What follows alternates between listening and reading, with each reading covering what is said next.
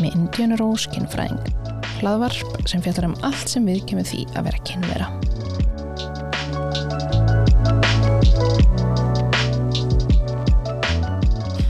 Góðan og blessaðan daginn. Í dag í þessum þætti ætlum við að tala um kynlífsvinna á Íslandi og ég ætla að byrja á að segja ykkur að í þessum þætti erum við að tala um kynlífsvinnu og kynlífsþjónustu þar sem fólk er sjálft að velja þessa vinnu út af einni eða annara ástæðu. Við erum ekki að tala um mannsal þar sem fólk er þvingað í þessar aðstæður enda er það ofbeldi alveg eins og ég myndi ekki gera þátt um nöðgun eða annað kynferðislegt ofbeldi og kalla það kynlíf. En hjá mér eru logn og reynetta frá rauðu reglífinni og viljið þið kannski bara kynna ykkur sjálf og segja mér aðeins hvað rauða reglífin er? Já, ég heiti Reynanda og er einna meðlum rauða reglífinnar. Þú Logn, vilt kannski? Já, ég heiti Logn. Ég er einn af stopnendum rauða reglífinnar. Við svona lausilega byrjuðum sem svona kollektív 2016 en þá vorum við bara tvö og svo höfum við bara stækkað og stækkað síðan þá og það var í rauninni í byrjun á COVID þegar þú veist svo kallaða OnlyFans sprengjan byrjaði og þetta fór að verða svona algengara og algengara og þá tengdumst við við þú veist fullt af fólki og fólk svona byrjaði að uppgönda okkur líka og já það var eiginlega svona almennilega byrjunin á rauðreklífinni sem við þekkjum í dag. Já, sem eru samtök kynlífisverka fólks á Íslandi. Já. Og er þetta stór samtök? Já, þetta hefur stækkað allavega bara rosalega mikið með árunum Já. og núna erum við líka með meðleimi og fólk sem að heyrir í okkur eða kemur á hittinga eða vill aðstóðið eitthvað svo leiðis úr bara alls konar samfélagshópum og undir mismunandi, um, mismunandi kringustæðum og líka frá mismunandi stöðum undir kynlífsvinnu reglífinni í rauninni. já, já. Þú veist, það byrjaði svolítið með eins og mig og vinkurum mína sem stopnaði þetta sem að vorum bæði að selja kynlífsjónustu í personu og það í rauninni svo stækkaði með, þú veist, slatt af OnlyFans fólki, svo er fólk sem hefur verið stripparar, uh, svo er, já, svo fólk sem er, er eða hefur verið að selja kynlífsjónustu í personu, alls konar fólk með alls konar og líka, þú veist, bara fólk sem gerir eitthvað á netinu þó að það sé ekki OnlyFans. Mm um, að því að það er hægt að gera svo mikið. Allar þessar webcam síður og, og clips síður þar sem hægt að selja vídeo og eitthvað svoleiðis. Já, þannig að já, í rauninni uh, erum við búin að stækka bara rosalega mikið frá, frá því að við byrjuðum en það hjálpar líka bara þú veist að fólk veit um okkur núna. Já, já, já. Hjálpa líka bara held ég, þú veist, með uh, því að með tilkomu bara internetsins, skilju, að fólk er miklu svona tengdara öðru fólki án þess að þurfa endilega að koma fram, þú veist, undir nafni og mynd og hvað ekki, þú veist, fólk er bara að geta haft alls konar samræður á netinu án þess að það sé svona Eh, Ein af ástæðinum líka af hverju ég og Renata erum með andlitið okkar át Já. og nöfnin okkar og svona er svo að við getum líka verið smá svona messengers. Þú veist, fólk segir okkur hvað brennur á þeim, hvað þeim vantar, hvað þeim finnst en þau kannski eru ekki á stað þar sem þau geta sínt andliti sitt fyrir þjóðinni, skilur það er alveg svolítið mikið að vera andlit kynlífsvinnu. Allavega í okkar samfélagi, það er mjög krefjandi, get ég myndið mér. Og það er viðhorfið til kynlífsvinnu, ekki, ekki kynlífsvinnan sjálf, eins og við förum kannski betur í aðeins eftir smá.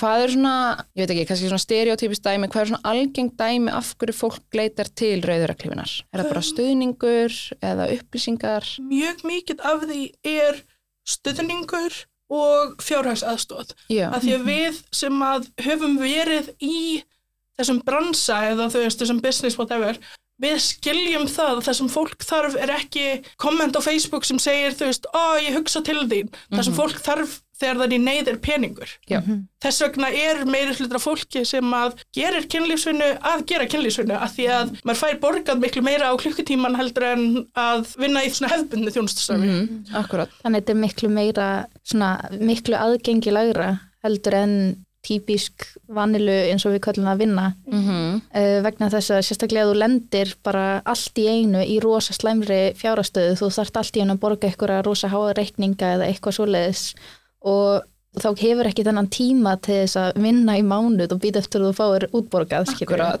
Einmitt, þegar Já. þú getur farið á morgun og fengið, það 40 skall eða eitthvað æskilur. já, já, já. Að því stundum er að tala um þetta sem auðvelda vinnu, ekki, þetta er ekki auðveld ekki. heldur auðveld aðgengi að vinnu.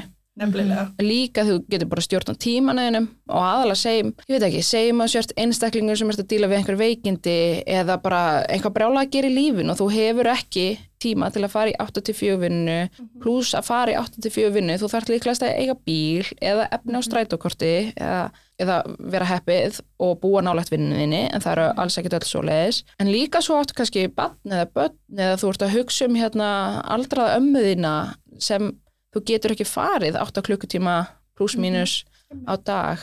Og þú þarft ekki ákveðna mentun, hann er svona auðvelt þannig, ekki auðvelt vinna. Já, Uh, Visslega er líka einstæðar mæður eru sem sagt staðsti hópur innan kynlýsunu sem að gerir kynlýsunu. Mm Ég hef sem sagt tekið eftir því bara á samfélagsmiðlum og bara í heiminum -hmm. að þegar fólk er, eða þegar konur eru einstæðar mæður og eru að tala um þú veist þar sem það eru að gera Mm þá kemur svo mingil skömm frá því að vera mamma og að vera að gera þetta já. og fyrir okkur þá segjum við fólki alltaf einstakar mæður eru staðsti hópurinn Mhm. sem gerir kynlífsinu, sérstaklega kynlífsinu í personu að því að þegar maður er einstæð með barn þá maður hefur ekkert endilega á aðgengi að Mhm. þú veist, 9 til 4 maður hefur kannski efni á dagmömmu eða ægið þú veist, allt þetta Já. og maður er ennþá að býða eftir leikskóla og, og maður veit ekkert hvað maður er á að gera en já, þannig að við segjum fólki alltaf að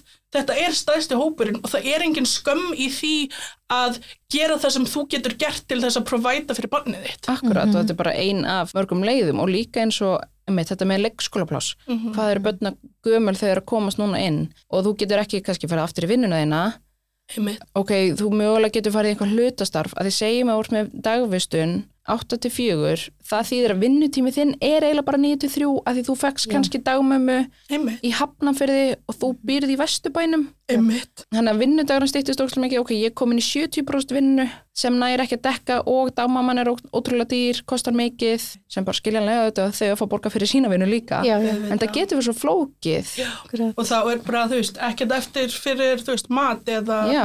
æskilur þannig þú að þarft ekki að bíl til að komast í dagmömmuna hana sem er lengst í burtu og dagvistunin og bara það kostar að vera til og í þessum kapitíliska heimi. Og líka þetta með mömmupunkturinn er svo góður að því við eigum að vera eitthvað svona holy, Já. þú veist, móðir. Mm En mæður eru bara fólk eins og við öll. já, og bara búa í kapitíliskum heimi sem hlutir kosta. Já, Ó, já. og ég get líka bara ekki séð það sem neikvægt að þú reynir að, að sjá fyrir börnunum þínum fjárhagslega og svo eru auðvitað líka mömmur sem að fara í kynlýsvinnu til þess einmitt að hafa meiri tíma með börnunum sína. Akkurat, og geta, þú getur kannski, ok, fengið einstaka pössun í staðan fyrir að barnið sé 84 og þú vilt kannski vera heima með barninu fyrstu tvö árin, en hvernig átt að geta það? Því fæðingar bara eins og allir vita, það er miklu dýrari að vera einn að borga leigu og mat og afborgunar öllu en það kostar samt alveg jafn mikið en ef við erum tvö og erum með tvöfaldar innkomu. Ok, þannig að það er svona fjárhagstuðningur, er fólk að leita til ykkar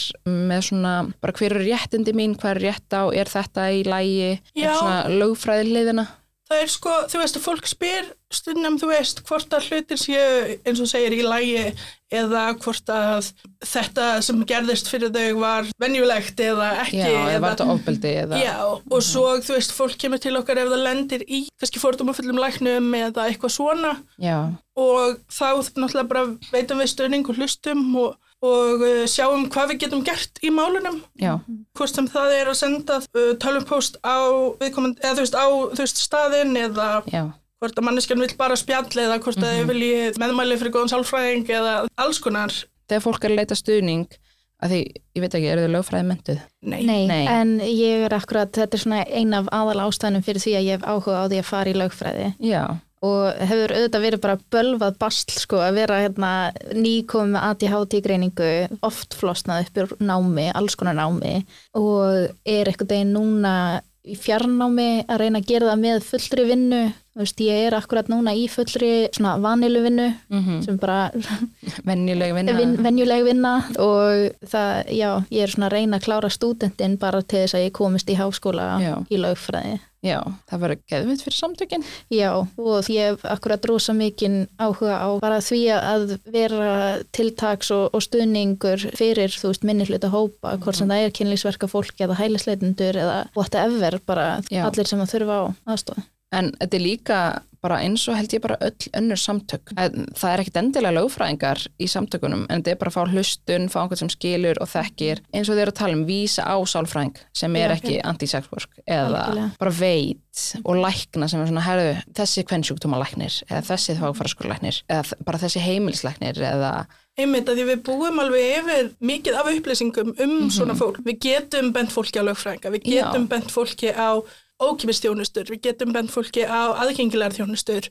Að því að bara frá því að vera í þessum heimi og vera talandi upphátt þá kynnist maður alls konar fólki sem að er tilbúið og bara reyðbúða að styðja baráttinu okkar og fólkið í henni. mm og uh, svo erum við líka með fræðslur, við erum með fræðslur fyrir til dæmis heilbreiði starfsfólk og, og mismunandi og starfsfólk Reykjavíkuborgar og eitthvað svona. Og það hefur verið bara rosa gott að, að, að sjá viljan sko þeirra til þess að læra og fá okkur inn og hérna bara fyrir okkur til þess að líka kenna þeim að hérna í rauninni sjá okkur sem fólk, þú Akkurat. veist og, og hérna, já, bara svona veita þessa, þessa fræðslu og, og mennskun Já, þannig að þetta er svona fræðisla ráðgjöf og stuðningur. já, Ég veit að því rosa mikið að fólki hefur aldrei hitt manneski sem er í kynlísvinnu að þe- þeim vitandi. Ég ætla að fara að segja, sem Sérst- þau vita. Já, og sérstaklega, þú veist, við erum mörg, já, en sérstaklega líka bara, já, sem er að tala um upplifunina sína eða tala um uh, þennan heim. Það er miklu algengara að fólk sem að hefur engar upplifanir séu að taka að sér eitthvað hlutverk að vera röddinn og þú veist, þau hafa bara séð það, þannig að þau hafa séð bara, þú veist, kannski 5% af hildinni og við erum einhvern veginn svona fólk bara, þú veist, fyrir framann manneskjur sem eru bara geta opinn fyrir því að tala um það sem að, þú veist, við höfum upplifað og þennan heim yfir höfuð. og svo er líka bara ef að fólk leitar til okkar með einhverja spurningar, hvert þau geta leitað með mismunandi vandamál sem þau eru með, þú veist, þá, þá erum við alltaf tilbúin að jafnvel ef að við erum ekki með svörin við því, Já, þá erum við að fara og leita að svörunum já. fyrir viðkomandi. Við horfið er þannig í samfélaginu að þú vilt ekkit endilega hafa samband við indíun og segja, hæ, ég er í kynlísvinnu. Já, Uh, þau kannski Einmitt, treysta mér ekki, en Já. þau treysta ykkur. það er nefnilega það sko. Já, svona millir liðað í Já, að því að Já. svo eru sem, sérstaklega þegar þú ert kannski í einhverju viðkvæmri stöðu eða ert að, að með eitthvað viðkvæmt uh, vandamál að þá er ógeðslega erfitt að fara að þú veist að spyrja mismunandi aðila spurninga sem þú veist ekki hvort að munu mæta þér með virðingu eða hvort þau munu fara þú veist, halda ræðu yfir því hvað þú veist, þú, þín vinna sér ræðileg eða eitthvað svona, Að því það gerist. það gerist já, því miður Herðu, að því við þetta að taka upp þennan þátt í desember, en svo eru veikindi og bara lífið og eitthvað, en þá sett ég á Instagram og bað um spurningar fyrir þennan þátt og fyrsta spurningin var, hvernig eru viðhorfin til kynlífisvinnu á Íslandi? Góð spurning Frábær, mjög lítil og auðveld spurning svona til að byrja með. Vá, það er ótrúlega misjátt. Mér finnst eins og yngri kynsluðir séu svona tilbúnari til þess að hlusta okkur. Það er rosa misjátt líka eftir því hvaða samfélagshópa þú talar við innan okkar samfélags. Mm -hmm. Ef þú ert að tala við fólk sem er nú þegar partur af einhverjum minni hlutahóp eða einhverjum jáðarsettum hóp, að þá finnst mér strax einhvern veginn mun meiri skilningur og hlustun að því að þau vita hvernig það er að það sé ekki hlustað á þig og þína reynslu. Akkurat. þannig að þú veist, þetta fólki mun tilbúin að hlusta og já, læra og, bara, og, það vill læra um það sem við gerum og hver okkar reynslu heimur er. Mm en svo er svona erfiðara kannski að tala við eldra fólk líka bara suma svona hvíta feminista eins og við viljum kalla það sko Já, svona milli stjættin. Svona forréttinda feminismi. Já, í rauninni, svona hvítur feminismi. Já. sem er alveg rosalega algengur á Íslandi sérstaklega. Já. og bara myndi ég segja kannski á Norðurlöndum og, Mm Já, og svona vestrænum heimi. Og þetta tengist líka dálítið svona white savior complex. já, sem er fólk, ég man svo vel ég fór í Asjöreysu, ok, smá út út úr ég fór í Asjöreysu 2013 og við erum hérna að skoða alls konar dót. Ég man ekki hvað var með Kambodíu eða eitthvað við erum að skoða eitthvað og kemur munkur og er svona að sína okkur bara svæðið, það var eitthvað svona skóli og svo fer hann með okkur og að sína okkur skólan og eitthvað svona, já, hérna er krakkanlega og tekur okkur neðra hæðina. Stofa full af tölvum en þau get ekki nota hana, þau eru ekki með rafmagn. En það var einhver hvítur karlmaður frá bandarækjunum og hann sagði a white man Ma- ég eitthvað svona, mm, of course frá bandarækjunum sem hugsa greið skólinn þið eru bara að skrifa hérna í bækur ég skal kaupa hann eitthvað tölfur og það voru svona 20 tölfur hana sem voru búin að standa kjörrar ég veit ekki hvað ár Þetta er svolítið eins og kommentanir sem eru bara þegar fólk er desperate Já. og þarf aðstöð og þau fá ég hugsa til þín, já, knús, knús, Já. bara áttu hverjur, já, Ég byrð fyrir þér. já. Bara áttu hverjur borga ekki reikninga, nei, þeir redda manni ekki í klemmu. nei, það, þau kaupa ekki lifin fyrir mig. Þannig að þetta er svona, já, það er þessi white saviorism eins og sem maður sér Já. oft tengt kynlífsvinni bara, akkur hættur þessu ekki bara? Og Nei. sérstaklega líka að fólk sem að svona skefur sér tíma til þess að actually hlusta á okkur og ekki vera bara að býða eftir að þau geta talað sinn punkt Mhm. af því að þau veit svo mikið að þú veist, fólk sem að er býr við samþættar jaðarsetningu um, eða samþættar jaðarsetningu sem að þú veist, já, intersecting oppression sem að vita, þú veist, að því að það er ekki sjálf gefið að bara hvítar konur sem eru í millistéttinni skilja því að þær eru konur og upplifa misogyny Mhm. af því að það er mjög mikið af misogyny sem að við veist, fáum á okkur frá konum. Já, já, veist, sem að eru svo ótrúlega vissar um að þær eru sko ekki að vera með neitt misogyny. Já, já, já. Ég held að það sé akkurat ein af ástæðanum fyrir því að við kynntumst þegar þessi hérna OnlyFans brengja varð sem var í rauninu bara þú veist það var verið að tala um OnlyFans í fjölmiðlum þú veist, loksins og, og tala við kynlísverka fólk og fólk á OnlyFans að þá kom rosa mikið upp á svona íslenskum þú veist, feminista spjallið á Facebook og eitthvað svona þar sem að konur voru bara að ræða hvort að þetta væri í lægi án þess að vera sjálfar í yðnaðinum auðvitað og það var svo mikið af fordómum og ranghugmyndum og bara svona skömm og eitthvað svona ótrúlega neikvæð viðhorf. Og maður var bara líka við fullri vinnu við það að vera í kommentakerfinu undir þessum póstum, þessum færslum á svona feminista hópum á Facebook. Og ég man bara þegar ég byrjaði fyrst að vera svona sýta spurningamerki við svona fæslur í, í feminista hópum, bara þegar ég var að strippa í Berlín. Og ég var bara oh my god, þessir feministar þeir, þeir standa ekki með okkur. Mm -mm. það var ótrúlega sorgleg uppgötun því það, þarf- það þarf að bjarga ykkur. Já, og líka við sem að eins og ég var reynanda við komum fram undir nafni vorum að skrifa um okkar eigin upplifanir. Mm og það gerðist svolítið í byrjuninni að að því að við höfum rödd að þá erum við með ofumikil forréttindi þannig að það er ekkert að marka það sem við segjum. Já, þó að ég var að, ég var að gera kynlýsunni til þess að geta borga leiguna mína annars er því heimilislaust. -hmm. og það í rauninni hefur veist, jaðarsetjandi áhrif þegar fólk, fólk sem hefur enga upplifun af þessum yðnaði vill vera rödd hinn röddlausa og svo erum við með röddin okkar og erum að segja hei, halló, hlustuðu okkur, við höfum upplifanir þá er það bara, víst að þú getur talað undir nafni þá ertu með ofmikil forréttindi þannig að það á ekki að hlusta á þig og þú ert ekki Já. búin að átta þig Já, en þú veist, já þetta þú var ert alltaf bara heila þvegið af veðraveldinu Já. Einmitt. og þess vegna sérð ekki að það sem þú ert að gera er í rauninni ekki þín ákvörðun já, þetta er ekki það sem þú vilt gera þarna er verið að taka okkar sjálfsákvörðunrétt frá okkur Mhm. af öðrum feministum sem eru alltaf my body, my choice nema þegar það er kynlísvinna. já, og þú veist, finnst þeim geta sagt hvað aðrar konur eða annað femfólk eða annað fólk eigi að gera með sinn líkama að því að það er það sem þeim finnst. Mm sem er, já, kannski svona grunnurinn í viðhorfunum á Íslandi gagvart kynlífsvinnu. Einmitt, að fólk kannski svona, þau eru ekki búin að átta sig einmitt. og það þarf að bjarga og þau þurfum bara að hætta Já, og þetta er allt var ofbeldi einu sinni þegar ég var ennþá í kynlífsinu og ég svona byrjaði að kynna mér feminista mm um, þá sá ég umræðu og ég tók þátt í henni og þá var mér einmitt sagt uh, þú, þú skilur bara ekki allt ofbeldið sem þú eru upplifað.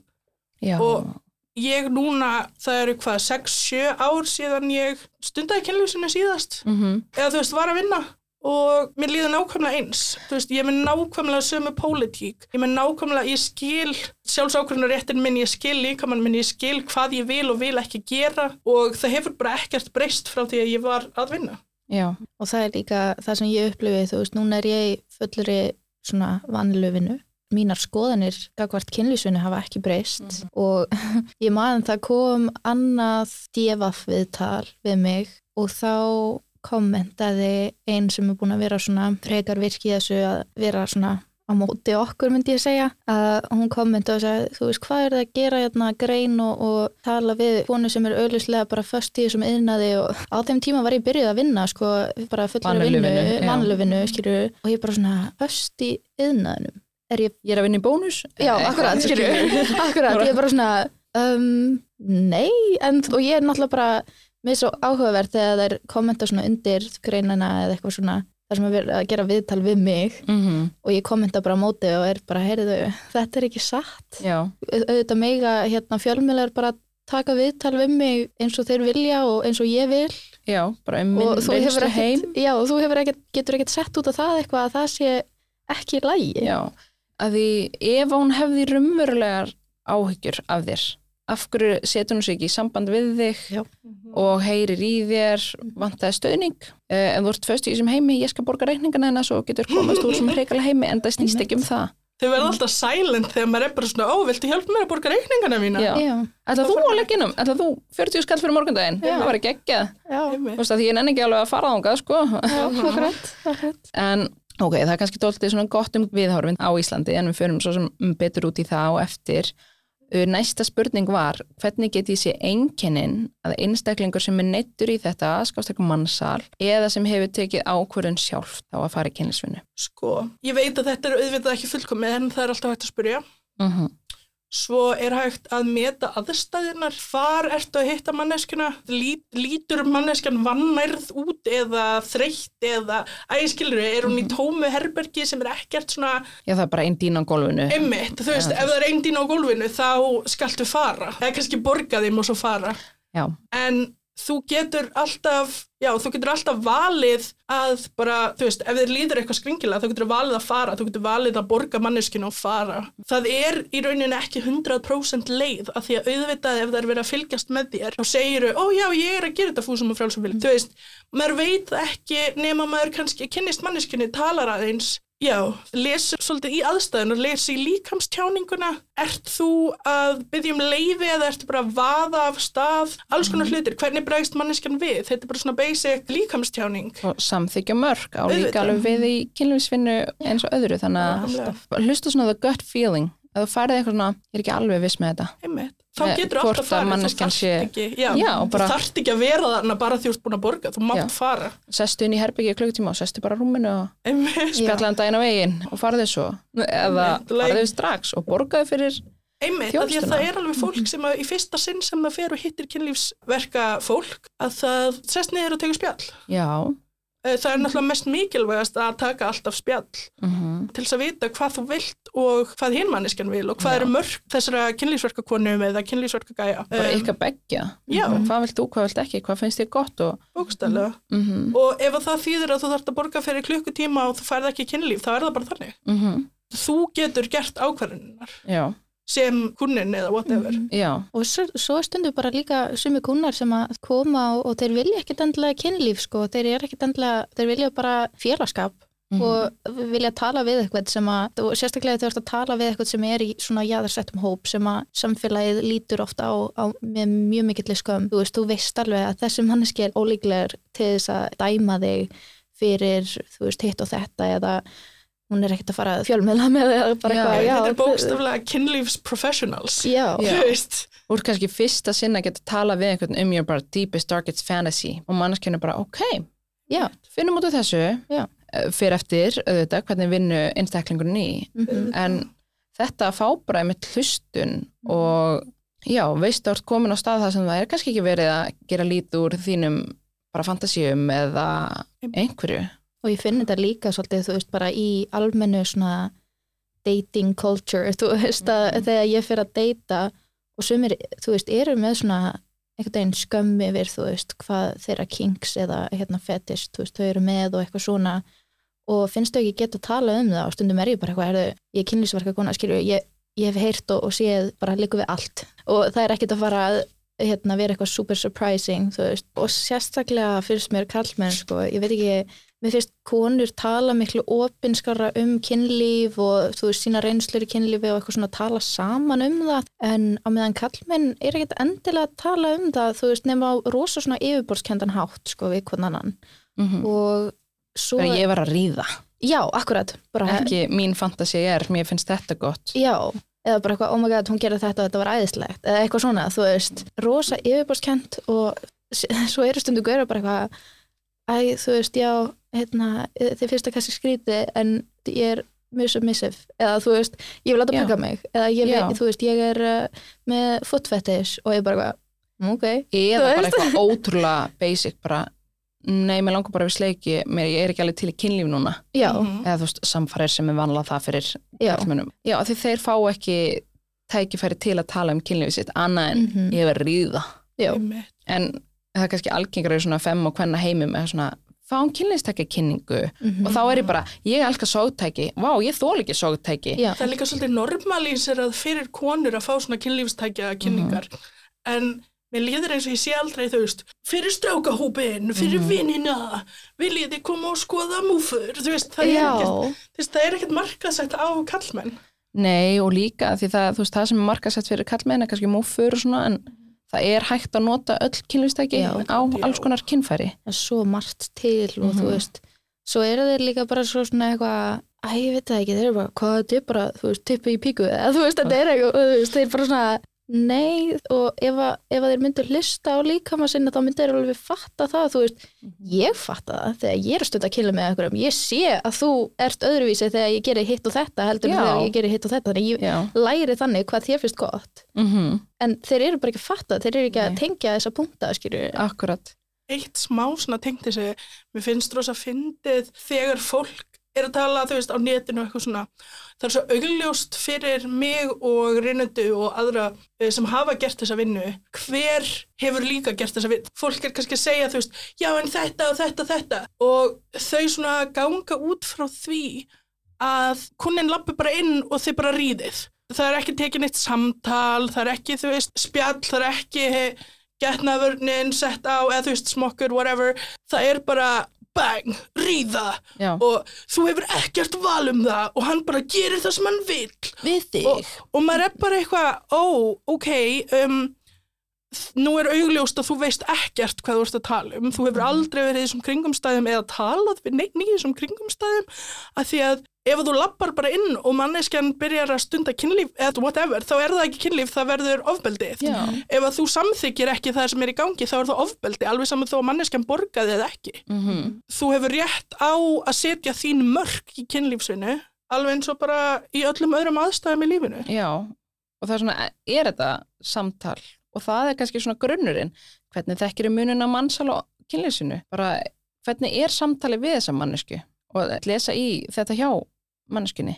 En næsta spurning, eru ljósblá OnlyFans flokkuð sem kynlífsfinna? Og þá ættum við kannski í rauninni að skilgreina bara hvað er kynlífsfinna?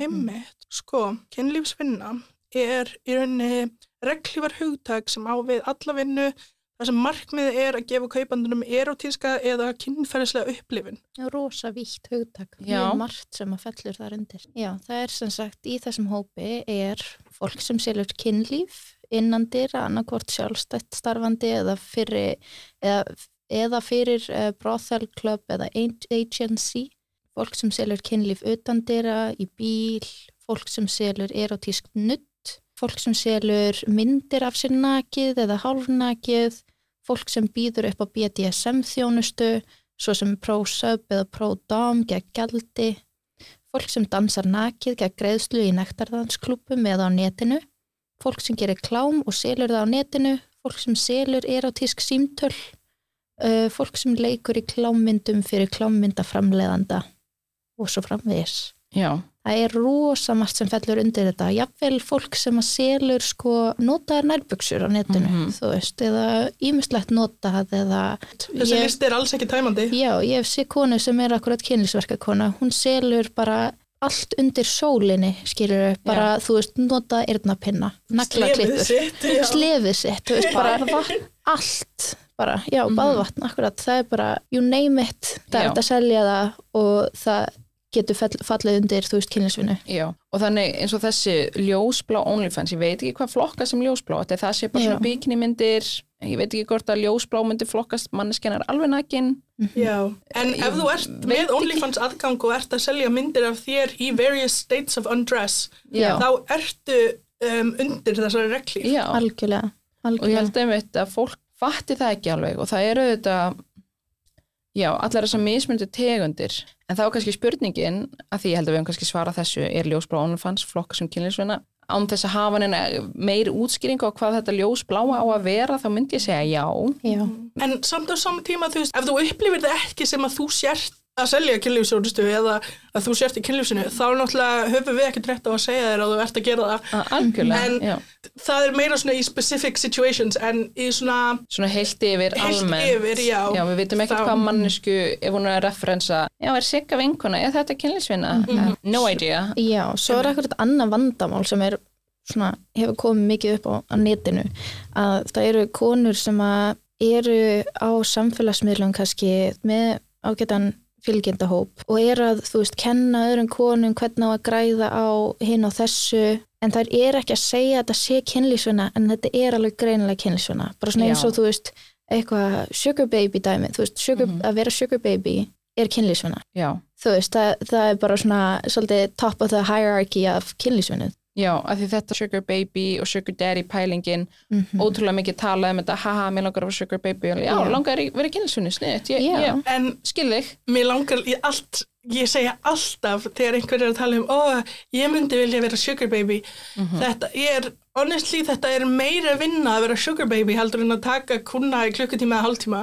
100% Like, þú ert í fullri vinnu að svara þessari manneski svo að þið halda áfram að borga þér. og þú þarft að vera bara 100%. tilbúin hvernig sem er Já. það er ekkert bara Já. ég vinn 84 Við höfum heyrt sögur af fólki sem að það bara ringdi þau klukkan 5 um nóttina eða Já. eitthvað og þá verða þau að koma því þau eru með hennan samning. já, og Mhm. þú, þú ert að svara einmitt, en það er þessi svona að því að sugaring um, felst í því að vera, þú veist, þú, þú vilt vera að stíla á þessa ríku, bara svona ofur ríku kallmenn já, og þá þarf þú að, þú veist, vera í rauninni í fullri vinnu að halda upp eða static sem að er dýrt. já, akkurat. Þú veist, þú þarft alltaf að vera í ræktinni, þú þarft alltaf að vera með ferskar neglur, nýja neglur, allt, cosmetic procedures, þú ert Þú ekki að safna rót og bara eitthvað, að ég fyrir næsta mánu Já. það er ekki séns, já. akkurat. Þú Já. þarf bara konstantli að vera fullkomið. Já, og það er ótrúlega erfitt. það er rosa mikið vinna. Já, og svo er náttúrulega bara vinnan sem fyrir það bara að tala við manneskuna sem er að borga allt fyrir þig. Að þú ert einhvern veginn já, þetta, er- þú ert í rauninni að gefa svona ákveði girlfriend experience. Já, Nákvæmlega. og sem er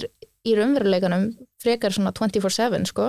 Já, það vita það allir sem hafa verið í sambandi já, bara akkurat, þannig að þetta er engin smá vinna. Fyrir utan ábyrðan bara, ég verða það er ekkert eitthvað, æ, sorry, ástu mín, ég hérna síminu var að silent, já, Einmitt. það akkurat er bara þá fær ekki borgað ef Já, þetta er, akkurat. þetta er svona óheilbritt kannski ekki alveg. Einmitt og Það sem- líka, þú veist, það er erfitt að taka fleiri en einn kuna.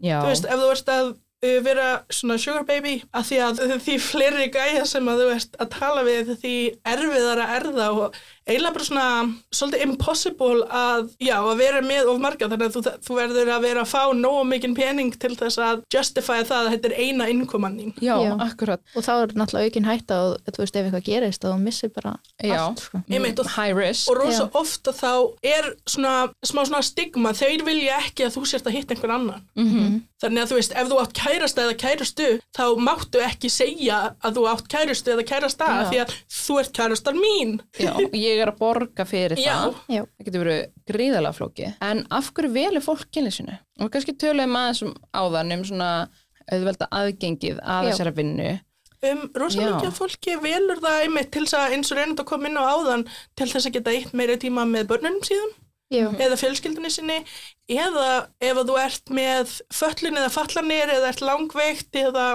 eitthvað svoleiðis þá hefur þú kannski ekki bara þól til þess að vera í 94 eða 95 vinnu. Já, þannig að já, það er rosa stór hópur alveg eins og það er rosa stór hópur af einstæðum foreldrum sem eru í kynlýsinu þá er rosa stór hópur af fólki sem er langveikt. Já, eða með föllun já, veist, eða jaðarsett á einhvern annan há einmitt og fólk talar svolítið um að kunnar, þú veist, að það koma oft uh, fatlaðir kunnar til fólks og það er alltaf fókusin frekar en fókusin á fölluðu kynlýsverka fólki Mhm. að því að vissulega er alveg mikið af kunnum með fatlanir og það er út af fordómum í samfélaginu. Já, Já. um, þannig að fólk leitar það vil eiga kannski fyrstu kynfyrslega upplifunina sína þannig að það leitar í kynlýsverka fólk að því að þá getur maður tekið spjallið og þú veist það er ekkert svona stress að vera að deyta eða finna rétta hlutin til þess að segja eða whatever. Þess vegna myndi ég líka segja að þú veist, stundum er kynlífsverka fólk í rauninni bara svona einhvern veginn bæði geta verið eins konar kennarar já, fyrir fólk sem er að taka sín fyrstu skref í t- svona umhverfi, þú veist, kynferðislegu umhverfi og eitthvað svona, getur líka verið bara rosa í rauninni heilandi að vera með einhverjum sem hlustar á, ok, það sem þú vilt og er ekki að dæma það, já, þú veist, er ekki að setja út á það eða eitthvað svona, er bara að hlusta á, ok, þetta er bara það sem þú fílar, mhm, það er bara þannig, þú veist, þetta er ekki, þetta er bara eins og, þú veist, uppáhaldsmaturinn minn er eitthvað eitthvað og það er bara þannig. mhm, og líka ég get svona ímynda mér að einstaklingar með kannski svona taugaraskanir, þú veist, Mhm. e- einhverfu, þar sem nýjar aðstæður getur verið gríðalega krefjandi bara eins og alveg eins bara að fara að panta söpvi, ég veit ekki alveg hva, hvað ger ég að Mhm. þetta, þú ert að fara að stunda kynlíf, hefur heyrt rosa mikið um þetta, en svo bara, ok, hvað ger ég samt í Mhm. alvörunni? Og þarna er einhver manneskja sem bara, herðu, ok, þú, þú mátt snerta mig hér og þá kannski spurði mig hvort mér finnst þetta gott, er þetta í lægi og þá manneskja, þetta er bara svona, já, þessi upplifun með einhverjum sem þú getur treyst að sé ekki að fara að dæma þig eða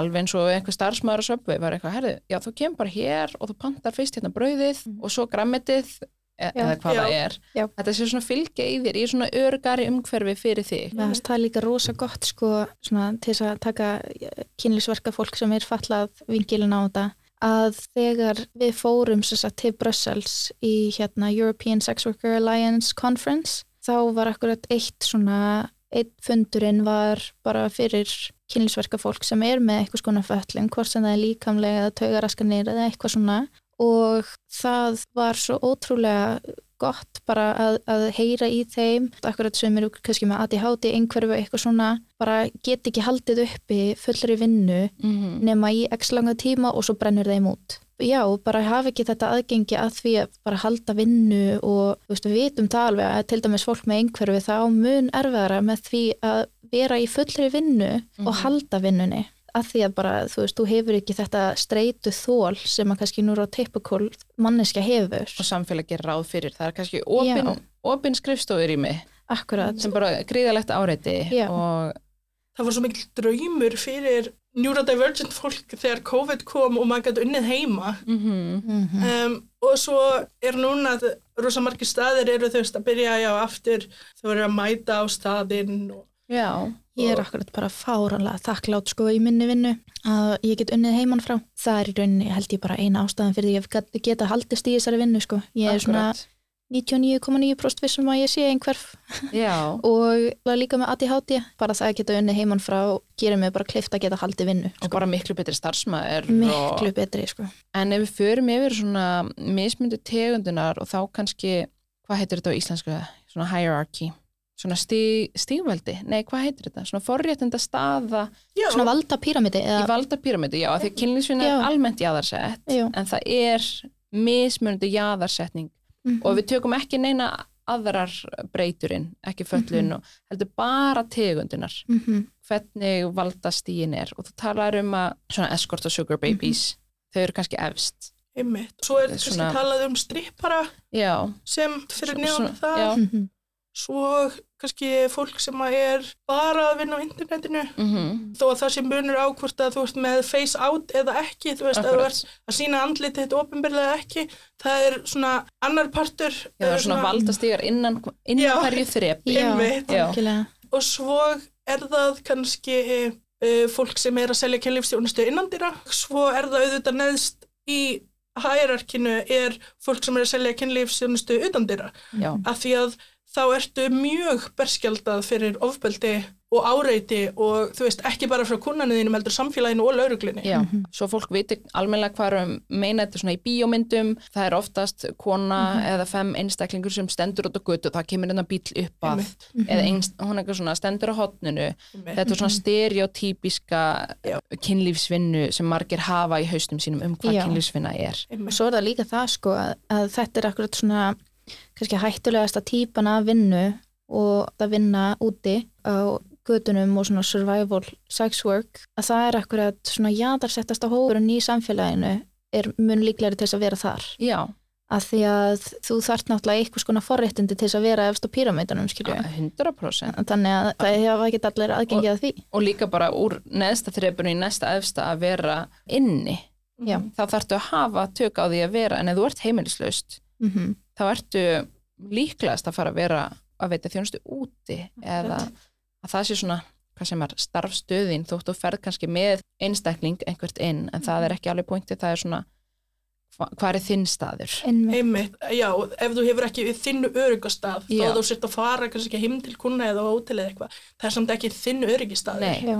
Þú ert eitthvað endilega með vinn sem veit hvað þú ert eða Já. eitthvað svona. eða eitthvað svona buddy system, herðu, ég veit af þér í næsta herbyggi eða hérna hæðinu fyrir ofan eða getur Akkurat. látið eitthvað svona vita ef að þú ert með eitthvað sem þú treystir í kringum þig um, En svo að sama tíma að þá, ef við förum aðeins fram og, og tökum lögin inn í þetta, já, að þá er líka, ef við erum að tala um, já, svona hærarkja innan þrepana líka, þá ef þú ert að selja kilvistjónustu heima hjá þér, þá vita allir kunnaniðinu hvað þú átt heima. já, og það er tæknilega séð undir lögunum okkar á Íslandi þá er í rauninni ólöglegt að leia húsnæði til manneski sem er að stunda kynlífsinu. já, þannig ef að ég væri með íbúð til leigu og þú vildir leiga íbúðuna fyrir kynlistjónustuna þína það, Já, þá það er ólöglegt kærð- fyrir mig. Já, þá ert þú kærið sem þriði aðili. Að hagnast á þessu. En það sem fólk bendur svolítið á er á já, en löggan er ekkert að fara í konur sem að er, þú veist, þetta eru lög, þannig að lauruglan getur þess vegna á morgun ákveðið við ætlum að fara á eftir þessum konum. já, Já. og ég, ef ég verður svona mjög uh, hliðhóll því að ég brýt aldrei lög, þá myndi ég ekki taka sjensin Mm. og ef ég væri, ef ég væri yfir höfuð geðveitt meðvituð um þetta og væri bara alltaf geðveitt stressuð um lögin og ég, hverjum ég mætti og mætti ekki leiga þá væri ég bara, nei, sorry Einmitt. Og þetta gerist einstæðar konur sem eru að leia, sérstaklega ef þær eru ekki um, fættar á Íslandi. Já, vinir sem hafa lent í því að þau eru spurð, já, ert að selja þig. Að því að þau get ekki ímynda sér að fertu kona sé að leia einn. Bara þú veist, að því hún er einstæð og vill búa einn. Já, hvernig áttu efni á sig, þú hlýtur að vera að selja þig nei bókstaflega, þú veist, þetta er sagt við fólk um, og fólk missir tækifæri að því að leigusalinn grunar að þú gætir mögulega litið út eins og þú selur kynlíf. Já, já, þetta er svona áhrifin sem fordómanir hafa. já, Svo er það líka bara erfitt, þú veist, fyrir fólk sem hefur verið kannski face out já, í kynlífsvinnu og þar sé hann að fara að finna leiguhúsnæði og það er bara að fá neitun eftir neitun og við erum nú þegar í húsnæðiskrísu skilur á Íslandi. já, Þannig að þegar þú ert líka svona jaðarsettur og face out að Já. þá er það bara allt annað sko. við vitum að fólki sem að hefur þurft að búa hjá ættingum að því að þau komast ekki að, að því að allir þekkja þau frá klámi eða. OnlyFans og hérna, viðtalinu djefa Og þú veist, hversu ógeðslegt er það? Þannig að þú sérð jaðarsetta mannesku þó að þau séu ekki að selja kynlífi personu þú sérð að þau eru jaðarsett þannig að þú ætlar að loka hurðina á þau. Að þú vilt ekki hafa neitt svona í búinu þinni af því hvað ef hvað er, A, B og C já, einmitt, og þetta er ekkert raunverulegar áhættur. Akkurat, þetta eru bara fordómar að sína Já. sig. akkurat. Eh, Þátturinn er í búið elk og unasvara þið getið sjálfsögðu panta glænýja unasvara á netinu án þess að nota kennitölun eitthvað líka og fengi hana bara að senda í ómertum umbúðum. Er reyndar mert elko en ekki hvað er í pakkanum og fengi á næstu droppstöð og svo er þátturinn líka í búið Durex og við göngum að sjálfsögðu hægt um gleðina dyr og pössum upp á kynnsjúkdómavarnirinnar og getnavarnirnar okkar. Og Durex fæst að sjálfsögðu í öllum helstu verslunum. En að því vorum aðeins við vorum að nota selja sig. Mér fannst þetta skemmtilegt intro yfir í eða svona Skemmtilegt. segway, sk- skemmtilegt segway inn í næsta þetta með orðanotkunna og þá kannski emitt selja sig þú ert að selja þig.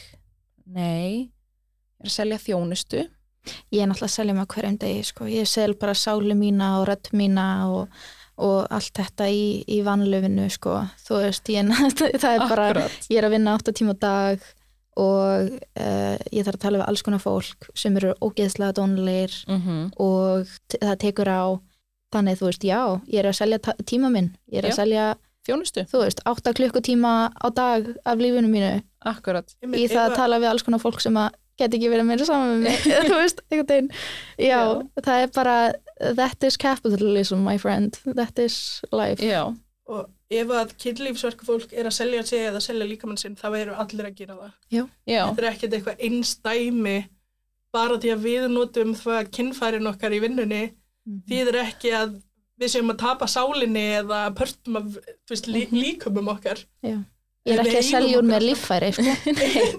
þá er kannski þá ertu bókstæla að selja þá ertu Einmitt. bókst, já vantar einhverjum nýra, ég á eitt Já, gallað ef ég er kannski að hérna, gefa úr mér egg í, í hérna, svona, Já, svona eggheimtu. þú veist, já, já, ég er að svo selja frumur, Já. akkurat Já, um mitt. og þetta er líka fólk sem eru svona líkamlega erfiðir vinnu bara, Já. þú, ég myndi aldrei segja við sjóara já, þú bara selja þig já, En þú ert í hernum. Já. þú ert að selja þig. Já, bókstaflega að selja þig. bókstæla lífið þitt, sko.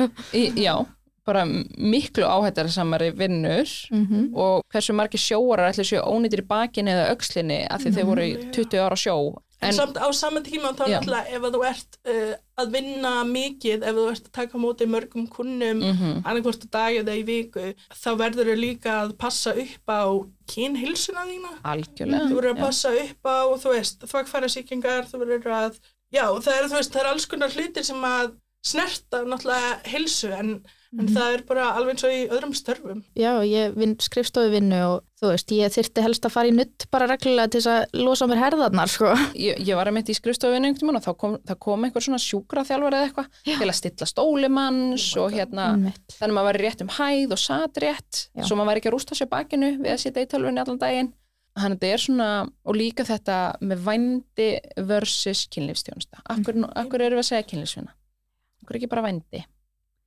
Það er í rauninni, sko, við sem að notum aðalega kynlýsvinna, þú veist, þetta orð, um, bara því að okkur finnst það þægilegra vegna þess hversu gildi slaðið orðið vændi hefur orðið. já, Það hefur yfirleitt talað um það í slæmum, svona slæmu konteksti.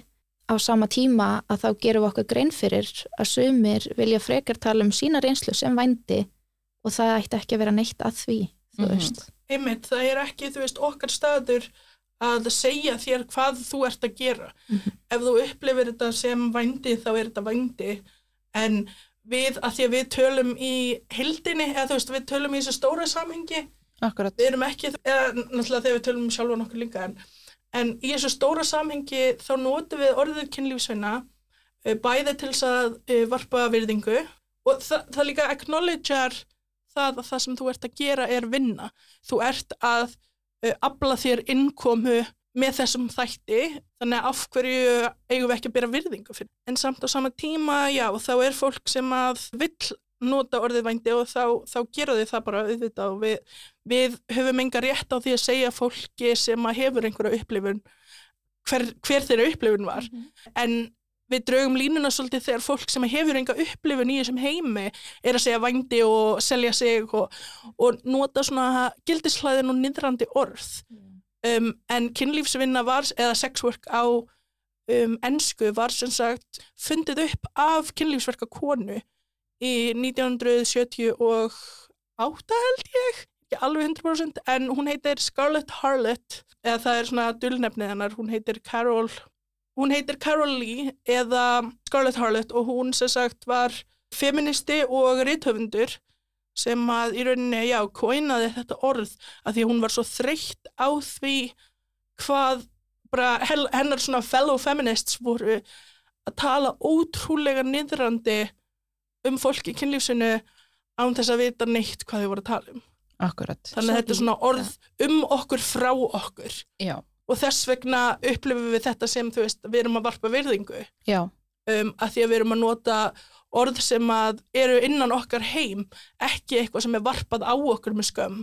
Það er líka, þú veist, þegar við tölum um þetta sem vinnu, að þá opnar það dyrnar fyrir, ok, þú átt að hafa vinnu réttindi, akkurat Já. þú veist, og, og hvernig ætlar að berjast fyrir vinnu réttindum og góðum og, og heilbröðum vinnu aðstæðum þegar, þú veist, þú getur ekki einu svona talað um þetta sem vinnu, mm akkurat, undir lagalegum eða samfélagslegum skilningi. já, Einmitt, að því að þetta er vinna og við erum ekkert að segja að vinna sé skemmtileg. Nei. Vinna Já. sökkar, það sökkar að þurfa að fara í vinnuna til þess að geta lifað. En kynlífsvinna er ekkert svona eitthvað eitt þar. Nei. Um, þetta er vinna og vinna sökkar. Já, na, með mítanum það er alltaf sagt eitthvað, mítanum hamingi sem er hóruna, hamingi sem að hóran er ekki til.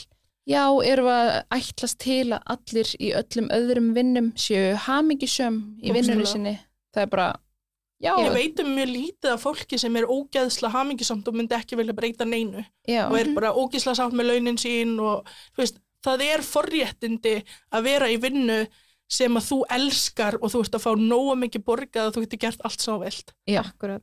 En, en passaði samt að þú verður að vera hamingisöm hóra. Oh af því ef þú ert ekki hamingisöm hóra, þá ertu hann að gegn þínum vilja og þetta er neyð og Einmitt, og þú veist, já, Já. ég var ekkert eitthvað hamingisamt í vinnunni en ég var samt að gera þessa vinnu að því ég vildi gera hana og þetta var vinnan sem að var aðgengileg fyrir mig á þessum tíma já, og já, ég á ekki að þurfa að vera hamingisamt þú veist, já, eins og, eins og við vorum að segja það er ekkert eitthvað, ó, þú ert að vinna skrifstofustaf, ertu hamingisum? já. Já. Hvernig er hamingiðin? Já, Er- er hamingisum að skrif, skrifstofukonan Já, akkurat. Bara þú verður að vera hamingjur sem skrifstofukona, þú veist, ég bara, það, það meikar engan sens. Já, mjög mikið veist- svona, Já, við erum bara hérna að reyna að fá laun svo Ég- við getum lifað af. ég held að ég hef aldrei verið spurð eitthvað svona, en ertu hamingisöm í vinnunni þinni? Og ef ég myndi segja nei, þetta er bara að vinna, það var ekkert eitthvað, ok, verðum að koma þér út úr þessu. Um, Við þurfum að og bjarga hvað ætlar að Já, við þurfum Já. að bjarga öllum í bónus. Já, já, kannski það hamingisöm starfsfólki, hvað veitum við? Kannski það, the true Og happiness. líka, þú veist, það er talað um já, en um, þú upplifir rosa mikið kynferðisofbeldi. Um, Já, vissulega upplifum við meira kynferðisofbeldi en það er oft út af lögunum og samfélagslegu um, samfélagslegu áliti á kynlýsverku fólk. Um, að því að um, barþjónar, kaffibarþjónar, uh, skrifstofufólk, um, það er hægt að lenda í ofbeldi á hvaða vinnustof sem þú ert á. Mhm. um, eða einhver grípur í þig eða þú veist, alls konar. mm Um, þetta er ekki eina vinnan sem að þó að við séum kannski mögulega að vinna með kynfærunum okkar, það þýðir ekki að já, þetta sé bara eitthvað svona einstæmi. já, akkurat. En ok, því við erum búin að vera aðeins að tala um lögin, ef kannski skýra munin, þetta er eiginlega svona fjórir flokkar. Ólöglegt, bara vændir ólöglegt, það er bara þú mátt ekki kaupa eða selja kynlistjónustu eða Mhm. kynlisvinnu. Sænska mótilið sem er hérna á Íslandi og það er, það er bannað að kaupa en þú mátt selja og svo er það löguleging, það væri bara, herðu þetta bara með allir gera þetta, þú bara skráði hjá skattinum að þú sért í þessari vinnu og borga þína skatt af þessu og svo er það afglafavæðing. Við köllum það oft full afglapavæðing Já. af því að sko sumir vilja meina að sænska leiðin sé afglapavæðing en það er ekki raunin. Já, af því það er afglæpavætt fyrir sem er, þann sem er að selja þjónustunni ekki það sem er að kaupa. Já, svona ekki, ekki einu sinni alveg 100% sko. Einmitt. Já, Það er fyrir utan, já. Já, Um, en já, af, full afglapavæðing þá er bara, það má gera þetta. Enginn er að skipta sér af. Mhm. Svona, Og Já, þú þarft ekki að um, í rauninni skráði hjá ríkinu, þetta er vandamáli með lögleiðingu, já, er þú þarft að skráði hjá ríkinu þannig ef þú ert hérna, þú uh, átt kannski erfilendan uppruna í landinu sem að þú ert að vinna í, já, um, þá máttu ekki já, já stundakynlísinu. já, því þú ert kannski ekki komið með kennitölu, þú ert ekki komið með Mhm. atvinnuleifi Einmitt. og það sem líka hætta við það, segjum þetta sé löglegt í dag og ég fer og skrái mig og við öll hérna förum að skráum okkur í þessa vinnu og svo er þetta ólöglegt á morgun Einmitt. og þá erum við öll að skrá Einmitt. Og þú veist, líka bara þegar þú ert að skrá hjá ríkinu, þá fylgir, þér, þá fylgir þetta þér allt þitt líf. já, Um, þannig að þótt að ég myndi hætta um leið að þetta vera ólöglegt Já. Þá er þetta samt skráð þá, þá veit löggan af þér. Það er líka vandamáli sko að, að þú þarft að fara til ákveðins læknis í check-up, þú þarft að fara til ákveðins, þú veist, þú ferð ekki endilega að ráða því sjálf eða sjálft hvern þú ferð til til þess að sækja þér uh, heilbreyðistjónustu og svo framvegis. já, það væri bara þessi fimm læknar sem erum Já. Sam, samningi á ríkinu Einmitt. tengt þessu. Og það verður til þess að uh, fólk upplifir með mikið kynferðsofbeldi já, já, um, að því að þau megi ekki fara til neins annars læknis. Já, þannig að þau verða að hitta þennan lækni og já og hann þessi læknir verður að veit- skoða og þau vita hvað þú ert í aðarsett í samfélaginu. Þau vita að enginn er að fara að trúa þér. Um, og já, og þetta er þú veist, eitt af stóru vandamálunum. Fyrir utan það bara þú veist, að þurfa að skrá sig hjá ríkinu.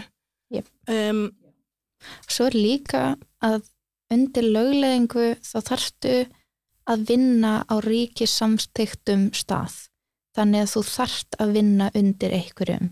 Já, Þú þú þarft ekki að vinna vinna á- einstætt. Já, já, þú þurftir að vera bara, já, hérna.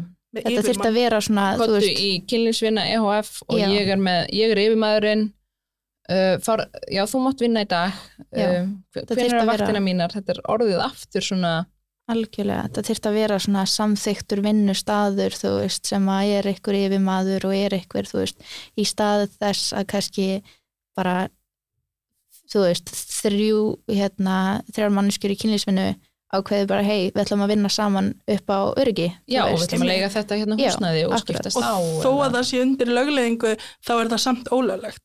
Þið geti verið handtekinn fyrir að þú veist, pimpa hvort annað. Já. já, já, já, að þið voruð ekki fylgja þessum ríkisreglum Já.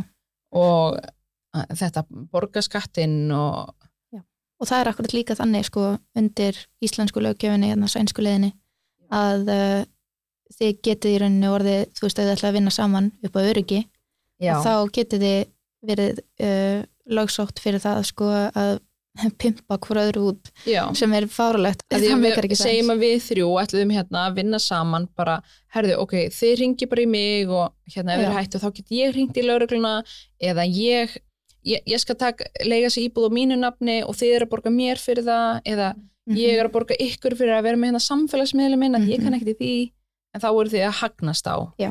því að ég sé í þessari kynlisvinnu Mhm. Og svo er það er kannski bara eitthvað já, já, einn hérna ógslag góðan vin sem er ógslag massaður og þú veist, getur alveg verið sker í svona í útliti. Ég ætla bara að borga honum, þú veist, í x langa tíma til þess að standa vörðin, skilur já, hérna, vera bara svona öryggi og já, þá er hann alltaf að hagnast. já, já, hann er hagnast á þessu. Já, að því að sænska mótilið og ég man, mér fannst að ég var bara geggjað, bara geggjað hugmynd, bara auðvitað. Þetta er bara, einstaklingurinn getur verið í þessu, en það er bannað að kaupa þetta, að sjálfsögðu. Geggjað hugmynd og á blaði. Allt rosalega sniðut en í raunveruleikunum þá er þetta ekkert endilega geggjaðasta hugmyndin. Einmitt og því glæpavættari sem kunnar eru, því líklegri eru þeir til þess að vera um, gaurar sem að finnst allt í lægi að beita ofbeldi, finnst allt Já. í lægi að brjóta lög, þeir eru hvað sem er að brjóta lög til að hitta þig, já, þau vita að lauruglan er ekkert að fara að hlusta á þig. já, Þannig að, að því að uh, það er algengt að lauruglan segir bara, þú veist, já, en við hverju bjóstu? Þú ert að selja þig, þannig að auðvitað varstu fyrir kynferðisofbeldi já, að því að líka undir lögunum okkar þá er öll kynlýsuna er ofbeldi já og það er rosa mörgum stöðum eða upplýsingum að ef þú skrifar vændi eða kynlýsina það er bara allt vændi er ofbeldi Já. Mhm. og það er svo mikið þólendur skömm að því að því ef að þú verður svo fyrir ofbeldi í starfi þá bara þetta allt ofbeldi væntalega þetta er allt ofbeldi já, og þú ert kannski að horfa tilbaka á margar upplifanir sem þú upplifir bara mikla virðingu og mikið traust Mhm. það er bara já ok, þetta var þá ofbeldi Já. að svona lita þínar Þetta upplifanir á þetta er í rauninni bara, Mhm. þú veist, gaslýsing já, við erum eini fullorðinni hópurinn sem að höfum ekki sjálfsákvörðnar rétti við líkumum okkar. Já, uh, sakvæmt lögum, það er ógeðslegt. Mm og Það fólk vera- sem nota vímöfni já, Já, einmitt. Þessi tveir hópar. En líka hérna eins og þú varst að nefna með kunnana að ef að ég er einstaklingur sem er einmitt alveg saman þótt ég er að brjóta lögin þá er ég líklegri til að brjóta þessi lög eins og einhver önnur og kaupa með kynlistjónustu en ef ég er einstaklingur sem er bara svona löglíðin einstaklingur, ég vill ekki brjóta Svona lög. reglu samur Já, ég er bara reglur söm og ég er bara reglur eru reglur að fylgja þeim og ég ætla ekki að vera hérna, já, allt vændir ofbeldu, ég ætla nú ekki að taka þátt í þessu. En ég vil, myndi kaupa mér kynlistjónustu en þá ætla ég ekki að gera það. Já. og ég kannski fara erlendis og já, gera það þar. Það er sem maður má. Já, en eh, jaðarsettur hópur verður ennþá jaðarsettari að því að kúnan eru líklegri til að vera í grunninn alveg sama þótt að þau séu að brjóta lög algjörlega. Já, það er líka bara búið að, veist rannsóknir hafa sannað það. Já, að kunnarnir okkar eru því, því meiri glæpaveitir og þeir eru því hættulegri eru þeir líklegri að vera. Já, um, að því að já eins og þú segir reglusamur einstaklingur sem er hættur við að brjóta lög eða þú veist eitthvað svona þau, þau eru að fara að hugsa tvisvar áður en þau koma að hitta okkur. Mhm, og ég veit að auðvitað reglusamur einstaklingar geta líka brotið á fólki Mhm. akkurat um, en við erum að tala um líklegheitin ef þér finnst þægilegt bara og ekkert mál að brjóta lög já, þá ertu líklegri til þess að brjóta þau já, þannig að þetta Já. er svona slæmur filter Mhm. Einmitt. og ef þetta er hvað sem er ofbeldi þá Já. skiptir ekki máli hvað ég geri að því að þetta er allt ofbeldi bara, Svo- þess, já. bara að, hérna, að vera mættur eða mætt hingað er, ég er að beita mannskinu ábeldi Já, og svo er líka sko hérna, það verður svo ógeðslega erfitt fyrir kynlýsverka fólk að byggja um persónu upplýsingar upp á öryggi. Já, til þess að þú veist vita, hei, er þetta kannski hérna ofbildismadur sem að þú veist, veist, einhver annar er búin að vara við eða eitthvað svoleiðis, Mhm. það er rosa erfitt að byggja um bara eitthvað, hei, viltu gefa mér fullt nafn og hérna, eða kannski myndaðir eða eitthvað svona, já, til þess að þú veist geta gengið úr skugga um það að þú sért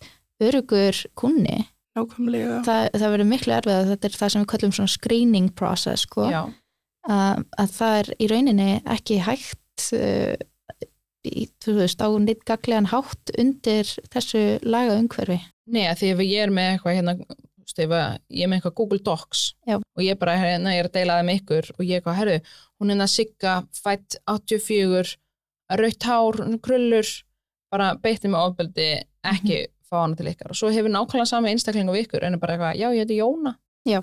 og þau bara, herru, stendur ekkert um neina Jónu í þessu Google skjali mm -hmm. einmitt Um, það sem að þú veist já, það sem bjargaði mér alveg eða bjargaði mér, það let mér líða örugt er að uh, á Breitlandi þar sem ég var að vinna þá er ekki þannig séð ólögulegt að kaupa þessa þjónustu sem þýðir að kunnaniðinir eru líklegri til að gefa upplýsingar og ég hitti aldrei neinn án þess að vera með veist, mynd, nafn, símanúmer, alla þessa hluti að því að eh, eitt sem er ekki hægt hér út af lögunum sem er hægt á Breitlandi að góðgerafélag sem heitir Ugly Mugs og þau, það er í rauninni svona stórt database og þetta er bara svona charitable organization og þau eru með stórt database sem maður getur fyllt inn, þú veist, já, símanúmer og þú veist, beitt mér ofbeldi eða eitthvað svona, þannig að alltaf þegar ég fæ upplýsingar eða fekk upplýsingar þá gæti ég alltaf, þú veist, sett símanúmerið þeirra þarna inn eða sett nafnið sem þau gáðu mér þarna inn eða e-mailin þeirra. Um, og ef ég sá, þú veist, beitir ofbeldi er hættulegur varúð þá er ég ekkert að fara að hitta þessa já. Og þetta er eitthvað sem að er í rauninni ekki hægt að gera á Íslandi. Nei, og sko, þetta er, við gerum alveg ef ég var að fara að date. Já, og ég bara, herðu, hún hérna, hún og ég myndi senda ykkur mynd. Mm og svo fer ég að deyta þessi stelpur. Ef ég er ekki búin að hérna, ringi ykkur eftir klukkutíma en það ringi mig og vinkona mínar ringi mig eftir klukkutíma með eitthvað sögu eitthvað. og, ég, og ég segi, ok, ef ég segi þetta þá er ég góð.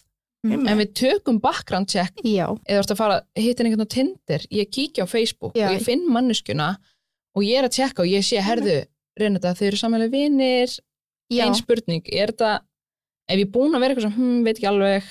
Maður spyr, maður gerir þetta á bara date heiminum. Já, ég ger þetta alltaf. Ég Ég ger tek, þetta, þú veist, já. skjáskot af, af Tinder-prófælunum já, sendi á meðleganda minn, þú veist, og eitthvað svona og, eða vini og uh, veist, hittir þau á almenningsstöðum. Já, akkurat. Bara, herðu, já, ég til ég að hitta ef, ef Mhm. að hittast á kaffihúsi. Þetta gerum við en það flækist svo já. ef að það væri ólöglegt að fara á date og svo þegar það er ólöglegt fyrir þessu kuna að þú veist, kaupa þjónustu og eitthvað svona, þá er það mun ólíklegri til þess að vilja hitta þig til að byrja með og þú veist, í public spaces og, já, á meðal almennings akkurat, og þú ert mun líklegri til þess að þurfa að gera þetta eitthvað staðar, þú veist þar sem er bara engin í kring og, og eitthvað svona, þú veist, þú Já. þarft í rauninni að gera þetta í skuggunum, sko.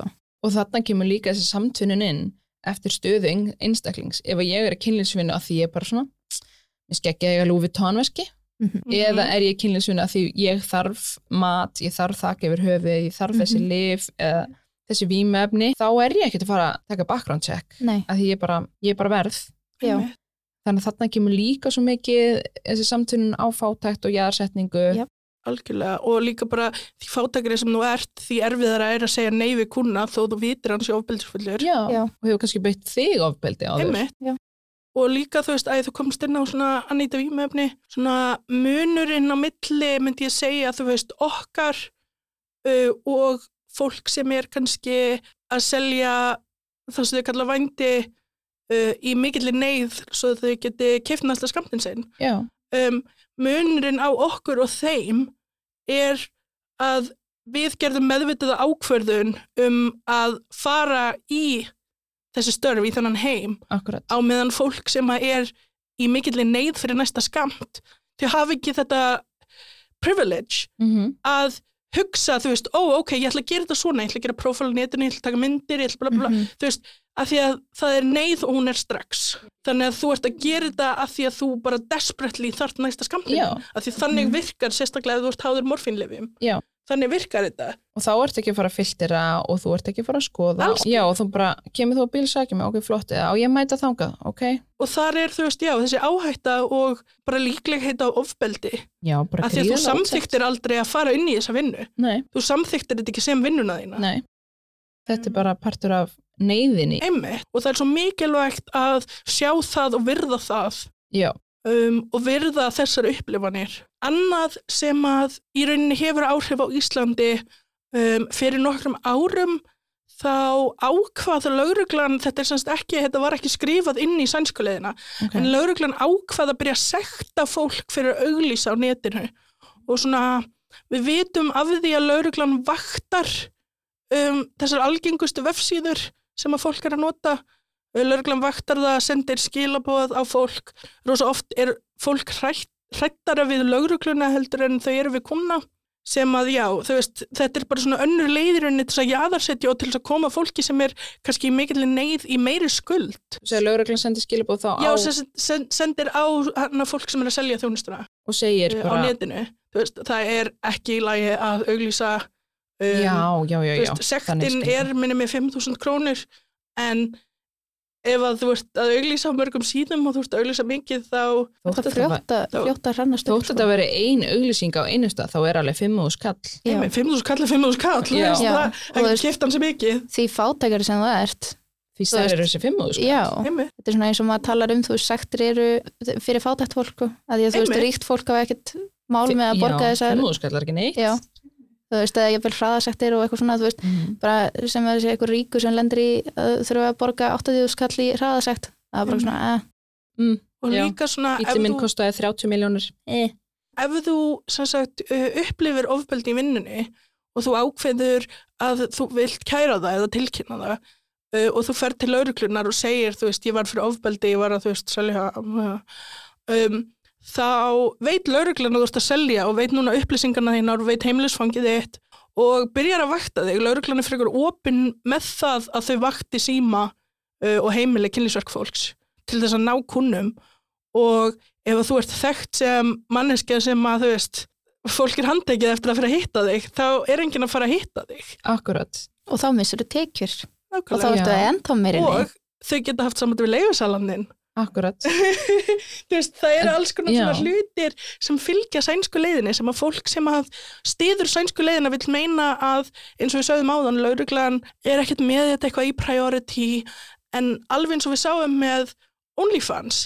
Lauruglan, það var svona tímabil þar sem að lauruglan var svona að nei, við, við ætlum ekki að eftir þessu fólki. Og svo kom frétt, þú veist, nokkrum vikum sinna sem að var við erum að ákveða hvort að við ætlum að fara á eftir þessu fólki fyrir skattana Já. þeirra, veist um, og ekki einu sinni bara fyrir skattana bara hvort það sé löglegt að selja klám á einmitt. Íslandi, Þú veist. búa til klám á Íslandi að því að já, þú veist, við erum með þessi ógæðslega gömlu lög sem segja þessi bannað að hérna að framleiða og selja selja, Já, og, já, Það og má það er í prenti sko. þannig að þú veist, og það er náttúrulega bara þetta er það gömu lög, skilur Já, þannig að lauruglan lítur á þetta sem svona túlkunarmál, þú veist, og ætlum við að túlka OnlyFans sem svona framleitt klám. Og þeir geta alltaf ákveðið að koma á eftir okkur og við erum mjög aðarsettur samfélagshópur, það er ekkert endilega allir að fara að kippa sér upp þó að lauruglan byrja að handtaka okkur. Nei, ekki svona með við annað það sem Mhm. þið verðið fyrir. Mér finnst líka allt þetta áhugavert með að klám er bannað að prenta og dreifa. Það eru mörg slökkulið sem hafa tekið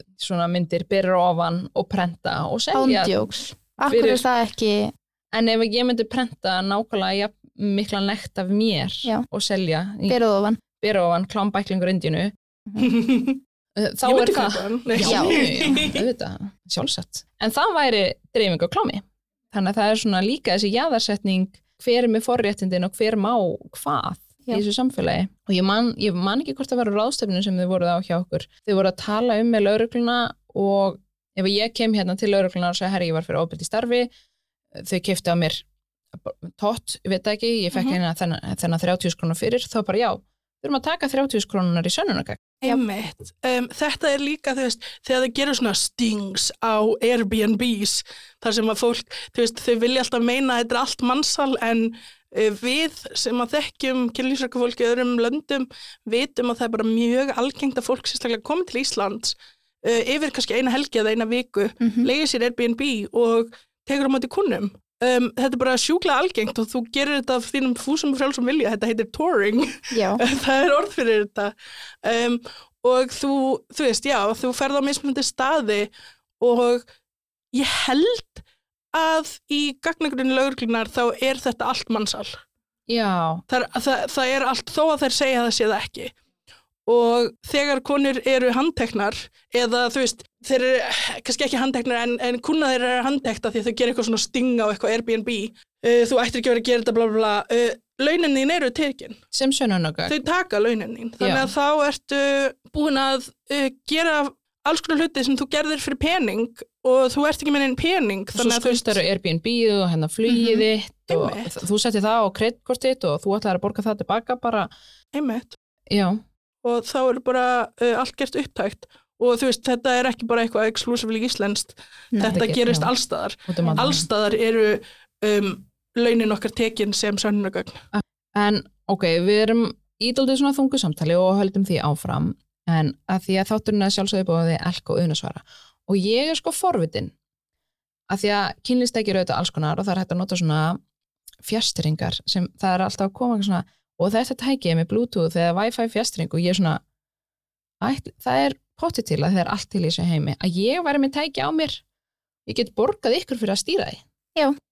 Einmitt. Ég held að það sé svona að því núna eru líka múffur komna með svona að því fyrst var það kannski eitthvað svona paratæki eða eitthvað svona egg en líka múffunar.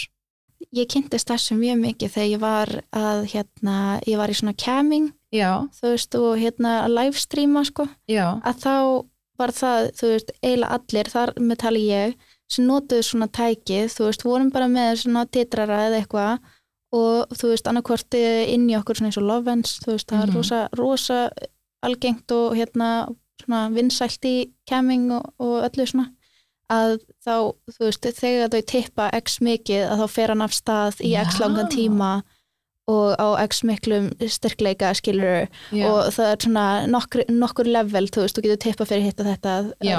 þannig að þau getur svona stjórna sko tækinu sem þú ert að nota fjall, það er rosa skemmtilegt veist, þetta er svona eins og bara, já, ég veit það ekki, þetta er svona þetta minnur svolítið á það sem er nýlega uh, þessi hérna NPC uh, TikTok, svona livestream um, já, já, trend þar akkurat. sem að þessi stelpa, þú veist, ef þú hérna tippar með því að þú veist eh, velja hérna að gefa henni ís Já. Þannig að, mm, ice cream so good, þú veist, þá kemur þetta. Þetta er, þetta er svona svolítið svoleiðis nefnum bara að þú veist, tækið er að, að virkjast og já, hérna, sko ég vissi þetta verið góð hugmynd í hausnum mínum. Já.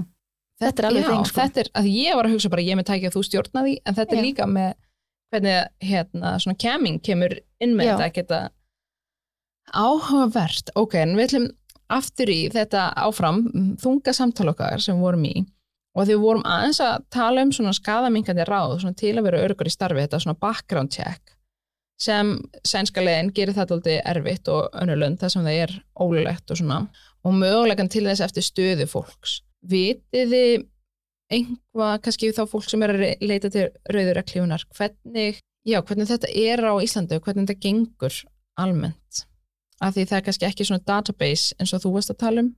Einmitt. Sko við höfum uh, skadamingandi ráð sem að þú veist við veitum frekari einstaklingum um, við skrifum upp hérna slatta af svona góðum ráðum þú veist hvar þú ætlar að fela peningin þinn uh, eða hvað er best að fela peningin sinn? Um, hvað er gott að vera þú veist í hvað er gott að vera ekki í þú veist? Uh, en við gerum þessi ráð ekkert rosa opinber að því að við viljum á sama tíma og við viljum að allir séu öryggir þá viljum við ekki að uh, kunnar, sérstaklega ofbeldisfullir kunnar viti öryggisráðin okkar. Akkurat, að því að þá eru þeir að leita að þeim. Já, þá vita er hvar þú ert að setja peningið þannig að veist, við hvetjum fólk alltaf til þess að heyra í okkur fyrir þessi ráða því að við erum með bara fjölmörg já, fyrir þú veist mismunandi aðstæður. Um, að því það fer eftir í náttúrulega hvort þú ert að selja veist myndra OnlyFans eða hvort þú ert að hitta fólk í persóni eða að hitta í bíl. Þá eru ráðin mismunandi. Já, en eitt bara svona, svona reglívar ráð í rauninni, þú veist, ráð sem að uh, nýtist öllum er, þú veist, alltaf vera með smokka. Uh, meiri segðu þú ert að gera OnlyFans, þá getur þú sett smokka á tækinn þín, að því ef þú ert með einhverjum, þá, þú veist, það er auðvitað um, reynlætismál og, þú veist, já, kynheilsamál að nota sama dót, þú Já. veist, án þess að annarkvært þrýfa það eða setja smokk og það er náttúrulega fljótast að setja bara smokk í stæðan verið að fara úr herru býðum, hérna bara sáputa þegar þú getur bara sett smokk, þú veist. Já, okkar helsta ráð er í rauninni, þú veist, setja alltaf nota smokka, sleipefni. það er alltaf sleipefni, það er hægt að klippa smokka ef þú ert með snýp, mm getur þú klift smokk til þess að gera um, svona dental dam, já, töfrateppi töfrateppi, einmitt, Já. magic carpet, já, og líka fyrir hérna þú ert að sleikja píku eða sleikja endaþarm einmitt, að því fólk fær bara misst góða kinnfræðslu yfir höfuð Mhm. og veit ekkert endilega kynnsjúkdumar getur smitast allstar þar sem er slímhúð Já. sem þýðir að getur verið í muninum okkar og augunum, og augunum, það er líka heldur sko slímhúð í nefinu og eirunu en Já. það er kannski ekki skerfiðara, erfiðar að komast tangað að því að fólk kannski passa smokkin Já. og ekkert bara fólk í kynnu sinni, bara allir það kannski passa smokkin í samförum Mhm. en eru svo að tóta að sleikja bara viltu galið Já, algjörlega. Og fatt ekki alveg hvernig þannig fyrir við líka inn í aðra hæjararki, innan hæjararkíinu, já, fólk sem að býður upp á tótt með ekki smokk og fólk sem býður upp á tótt með smokk. já, Það er mismunandi forréttindi þar. mhm, Ef, ef þú hefur forréttindi til þess að segja nei bara með smokk. Ok. En það eru sexy leiðir til þess að gera það eins og þú veist, að í fyrsta hitting þá noti ég alltaf smokk að því að ég þekk ekki fólkið. Þú Ah. veist, það er ekkert að segja þetta og þá er það gett sexy. Já. Um, þetta hefur bjargað mér nokkur sinnum. já, Bara á fyrsta sinn sem ég hitti fólk. Og það býður líka upp á að manneskjan bókiði aftur. Já. Sem að, já, er bara og kannski svona uh, þetta með buddy system. Að reyna ef þú getur og hefur tökka og finna eitthvað og þá kannski er það hjá ykkur eitthvað svona, herðu, ég þekki engan annan í kynlífsfinnu get ekki tala við til fólki í kringum mig bóta viðhorfunum eru þið með eitthvað svona, e- þekki einhvern sem gæti verið buddy hjá mér? Að ég geti látið þessa manneski vita, herðu, ég er að fara hitta þennan þarna, hérna er screenshot. Hérna er Einmitt. trakk á símanum mínum. Einmitt, like, fólk er alltaf velkomin að heyri okkur. Á eins löglegan máta og við getum þá sinnum við þessu, þú Já. veist. Við náttúrulega förum ekki yfir hana, yfir mörkin á lögunum en uh, við bara með glöðu geði sinnum þessu uh, eða hvetjum fólk til þess að uh, þú veist, heyra í vinn sem að veit hvað þau eru að gera. Um, og við veist, útskýrum kannski fyrir þeim eins og þú sagðir áðan þú veist, að ef ég segi þetta það þýðir hætta. Eða þú veist, ef ég segi þetta það þýðir ringi lörguna, ef ég segi þetta ringi kærasta minn. Já, um, eitthvað svoleiðis að því það er ótrúlega gott að einhverju viti hvar þú ert og viti hvað þú verður lengi ekki í sambandi. Já. og kunnin má alveg vita það þú veist, þú mátt alveg ringja í buddyinn þinn fyrir framann kunnan, þá Já. veit hann að einhver veit hvar þú ert um, það er rosalega mikilvægt uh, öryggisatriði og þetta er, þú veist, við vitum ekki alveg hvar mörkin liggja í þessu en við hvetjum alltaf fólk að nota buddy systemið, alltaf láta einhvern vita. Já, og þetta bæði með er að leita einhvert vegna ofbeldis en líka þetta, þú þarft ekki að segja og hafi verið í vinnu. Einmitt, hann að við mælum einmitt með ef þú hefur upplifað ofbeldi í starfi eða í uh, þessum aðstæðum að þú veist fara nýndra á bráðumáttöku um, kynferðisbrota uh, í fósfóinum uh, þú þarft alls ekki að segja að þú fækst greitt fyrir. Já. Það þarf enginn að vita það. Nei, Það er bara á milli þín og þínum guð. Já, tíma Um, guðs. það kemur þeim ekkert við að því Nei. ofbeldi er ofbeldi Já. ef þú upplýðir ofbeldi þá upplýðir ofbeldi alveg sama hvernig aðstæðunar voru og sérstaklega ef þú ert trætt við viðmótið sem að er skiljanlegt að því að samfélagið okkar er ótrúlega fordómafullt í garð kynlýsverk fólks. Já. Það er bara mjög skiljanlegt að fólk sé ekki að gefa alla dítilana, það má. Já, Já, Það því bara ofbeldi er ofbeldi sama hvað. Já, að- og einmitt að ef þú ert að byrja þessu, ert að búa til einhver svona buddy system, kannski verða gaglegt fyrir því að segja vinkunniðinni, herri, ég er að vinna við svona heimilsþriff Mhm. uh, ég verð þarna, ég veit ekki, ég hef aldrei farið heim til þessara mannskja að þrýfa Mhm. ef ég er ekki búin að ringi eftir klukkutíma. Ef ég svara ekki, ringdu aftur eftir fimm myndur, ef ég svara ekki en að ringja lögregluna. Einmitt.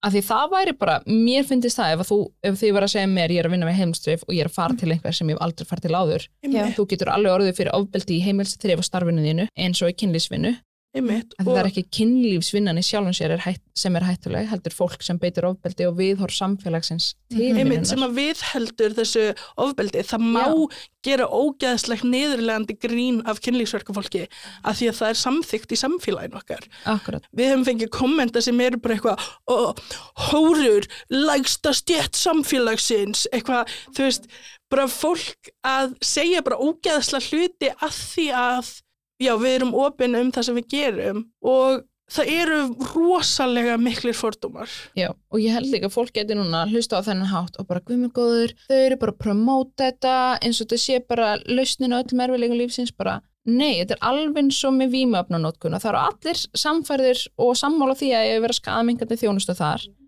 Við erum ekki að fara að breyta lífi fólks eða ég er ekki að fara að koma inn og borga ykkar reikninga því ég á ekki pening fyrir því sjálf.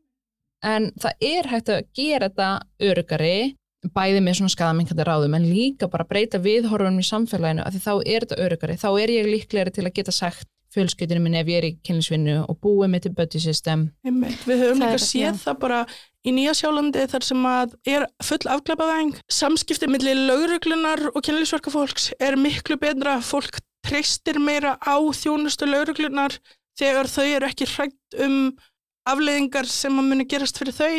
Eh, Sem sagt líka bara álit samfélagsins á stöðum sem að er afglapaðæng er allt önnur af því að uh, þessi svona yðnaður er ekki glæpavættur lengur. Það er ekki hættulegt, það er ekkert svona stigmatizing mystík í kringum þetta. Um, að því allir geta bara talað ofinbært um það sem þau eru að gera og þau þurfu ekki að vera hrætt við neinar afleiðingar. Já, og miklu auðveldur að nálgast upplýsingar það er ekki býtu hag, ertu að fara að hitta einhvern rauður reglífinni, okkur ertu að fara að hitta einhvern rauður reglífinni er Mhm. það ekki hérna fyrir kynlisvinnufólki. Erst þú í því? En svo líka gott sko að ég er í svo mörgum sko, þú veist, ég, ég er partur á svo mörgum samfélögum, Mm þú veist, ef að þú myndir hafa samband við mig eða við rauðreglifin og vilja hitta okkur, þú veist, við erum partur af svo mörgu öðru líka, Akkurat. Þú veist, mörgum aktivismu mismunandi, þú veist, aktivisma og, og alls konar, við, við myndum aldrei vera bara eitthvað, æ já, ég kynntist þessari, þú veist, í gegnum rauðreglifina, mm þú veist, án þess að þau hefðu sagt bara eitthvað, já, þú mátt alveg segja fólk, bara svona eins og ef þú hittir sálfræðingiðinn Já, út á götu. hittir út í búð, þá er eitthvað Já. ég segi ekki hæfið þig fyrst Nei, og einmitt, hérna, einmitt. Þannig að þú veist, það er bara svona okkar, uh, já, Já. það er bara svona siðferðis. og bara fullir trúna er að leita til Já, ykkar já. saman hvort það sé fyrir upplýsingar eða Einmitt, við viljum að fólk viti að þú veist, ef að þau leita til okkar fyrir ráð eða aðstóð eða eitthvað, það fer ekkert lengra. Nei, Líka bara fólk sem hefur samband þegar ég er á social medianu, reynandi hefur ekki hugmynd nei, hvern ég er að aðstóða og ég hef ekki hugmynd hver, hver reynandi er aðstóða þó við segjum, þú veist, ó ég er aðstóð mannesku þá, þú veist, við erum ekkert eitthvað ó það er þessi manneska, hún lítur svona út bla, bla, já, bla. finnst það akkurat. Facebookið og Já, hérna, það er bara, þú veist, við treystum bara hvort öðru og þú veist, við treystum öllum innan hópsins að þú veist, þau segja, ó, það er manneskja, þá Já. treystum bara að þau séu bara good with it og ef við þurfum aðstóða, þá getum við aðstóða án þess að vita hver manneskjan er. akkurat, já, og svo er líka bara ef að þú veist, þetta er ekstra svona viðkvæmt samtal sem þau vilja hafa og þau vilja vera alveg vissum að engin annar, þú veist, heyrið að viti að þú veist, eitthvað svona sjáu, að þá er alltaf hægt að tala við okkur í gegnum annað plattform, hvort sem það er eitthvað svona eins og signal eða eitthvað svona hérna, chat, bara plattform, eða, já, Já. bara hvað sem er sko. akkurat en hvar, hvar finnur þá fólk á rauðraklifina? það getur fundið okkur á, á Facebook Ef við erum rauðraklifin slash Red Umbrella Iceland, já, Já, því þetta eru ekki bara íslensk samtök þetta kemur frá erlendur fyrirmyndið, ekki? heimleitt, það er hérna, það er bara fullt af hópum eins og í Svíþjóð, þá er Red Umbrella Sweden, Mhm. um, rauða reglífin er í rauninni já svona okkar uh, merki, er merki uh, kynlísverk fólks. Þegar það kemur að nefna þessi litlu samtök út um allan heim að þá velur rosa mikið af fólki að fylgja rauða reglífinni að því að þá alveg sama hvaða landið þú ert í þá, þá veistu þú getur leita rauða reglífin eða Umbrella eða whatever á hvaða tungumáli sem að þú ert að uh, eða er í landinu sem þú ert í að það er ókslega mikilvægt að hafa þetta svona svipað og sama því að þá er fólk ekki endilega, þú veist, já, lost Já, bara hvað gæti þetta heitið Já. hérna?